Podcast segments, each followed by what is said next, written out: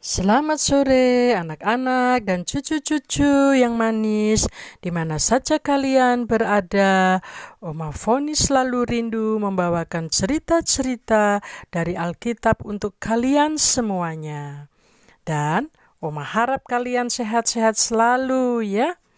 Ya, sebelum kita masuk mendengarkan cerita, sama-sama berdoa ya anak-anak dan cucu-cucu. Ya, mulai kita berdoa. Tuhan Yesus, kami berterima kasih untuk hari lepas hari Engkau selalu ada buat kami semua. Pemeliharaan Tuhan senantiasa, terutama firman Tuhan yang selalu ada buat kami untuk kami dengar yang akan disampaikan oleh Oma Foni. Terima kasih Tuhan Yesus. Amin. Ya, Oma akan lanjut ceritanya untuk kali ini mengenai penyakit kusta. Tuhan berfirman kepada Musa dan Harun. Tuhan mengajarkan kepada mereka mengenai penyakit yang mereka belum ketahui. Musa dan Harun tercengang lagi ya. Uh, mereka di pikiran mereka, oh ada lagi ya. Sekarang mengenai penyakit. Penyakit apa? Dan kira-kira bentuknya bagaimana ya? Lalu Tuhan berfirman kepada Musa dan Harun, "Apabila kamu melihat seseorang ada bengkak atau bintil-bintil atau panau orang ini harus dibawa menghadap imam. Imam harus memeriksa penyakitnya. Bila imam melihat bulu di tempat penyakitnya yang sudah menjadi putih dan kelihatannya lebih dalam dari kulit, maka itu adalah penyakit kusta. Imam berkata, orang ini najis dan orang ini harus diasingkan jauh-jauh dari tempat itu atau negeri itu. Kalau ada yang kulitnya putih dan tidak kelihatan dalam dari kulit dan bulunya tidak berubah menjadi putih, imam harus mengurung orang ini selama tujuh hari. Setelah itu diperiksa lagi Bila penyakitnya tidak meluas, imam harus mengurung orang ini untuk kedua kalinya. Setelah uh, harinya tiba, diperiksa dulu penyakitnya, ya.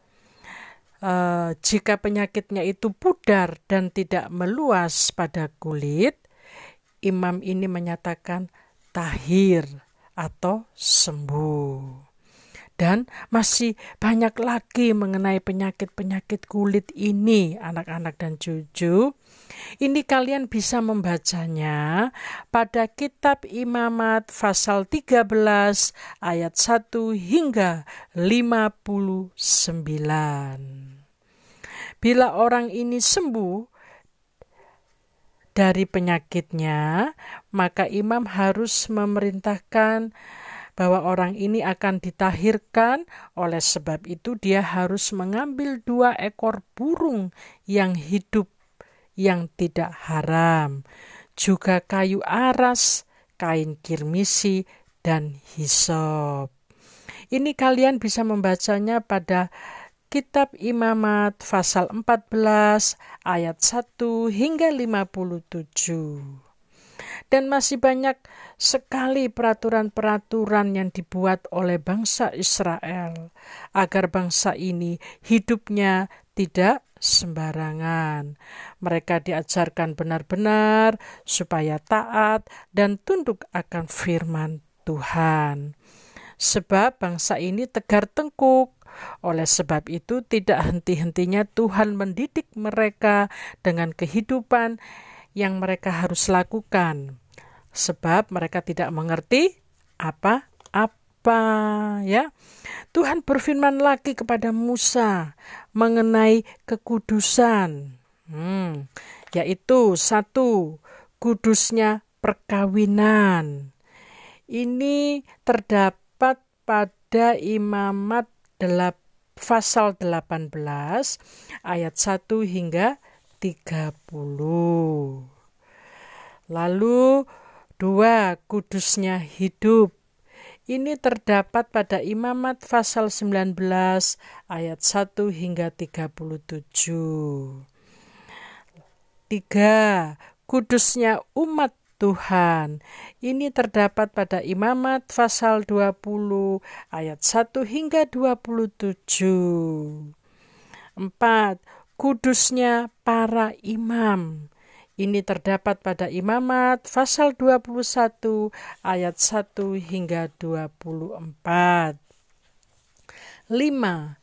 Kudusnya kebaktian korban. Ini terdapat pada Imamat pasal 22 ayat 1 hingga 33. Lalu ada juga tahun Sabat dan tahun Yobel. Ini terdapat pada Imamat pasal 25 ayat 1 hingga 22.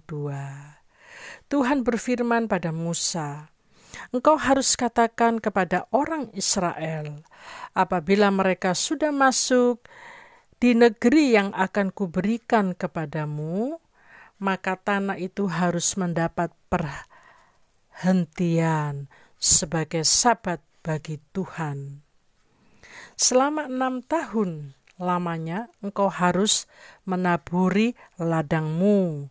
Begitu juga engkau harus merantingi kebun anggurmu dan mengumpulkan hasil tanah.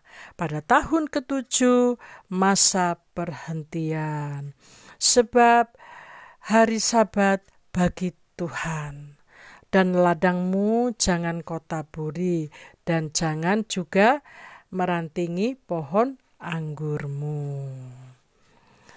Dan ada juga uh, mengenai peraturan lagi ya untuk bangsa Israel. Uh, di sini ada juga mengenai penebusan tanah. Nah, ini kalian bisa membacanya dalam kitab Imamat pasal 25 ayat 23 hingga 28. Dan ada juga penebusan rumah. Nah, ini kalian bisa baca juga Imamat pasal 25 ayat 29 hingga 34. Ada juga perlakuan terhadap orang miskin. Nah, ini kalian bisa baca uh, di dalam kitab Imamat pasal 25 ayat 35 hingga 55. Nah, sekarang Uma uh, mengambil ini aja ya, yang ketiga ya, uh, perlakuan terhadap orang miskin ya. Uh, ini perlakuan mengenai terhadap orang miskin. Kalian orang Israel harus bisa melihat dan menolong saudara-saudaramu agar ia dapat hidup di antaramu. Bila kau memberi uang, jangan kau minta lagi atau meminjamkan uang, lalu kau meminta bunga. Nah, bunga yang dimaksud di sini itu tambahan uang ya. Contohnya begini anak-anak dan cucu. Misalkan uh, ia meminjam uang 100 ribu rupiah. Ia harus mengembalikan uang 150 ribu rupiah. Nah, itu yang dimaksud bunga ya. Jadi Tuhan melihat hal ini, Tuhan tidak mau sebab Tuhan selalu katakan, akulah Tuhan alamu yang memelihara kamu ya. Dan ini kalian bisa membacanya pada ayat 39 hingga 55 ya.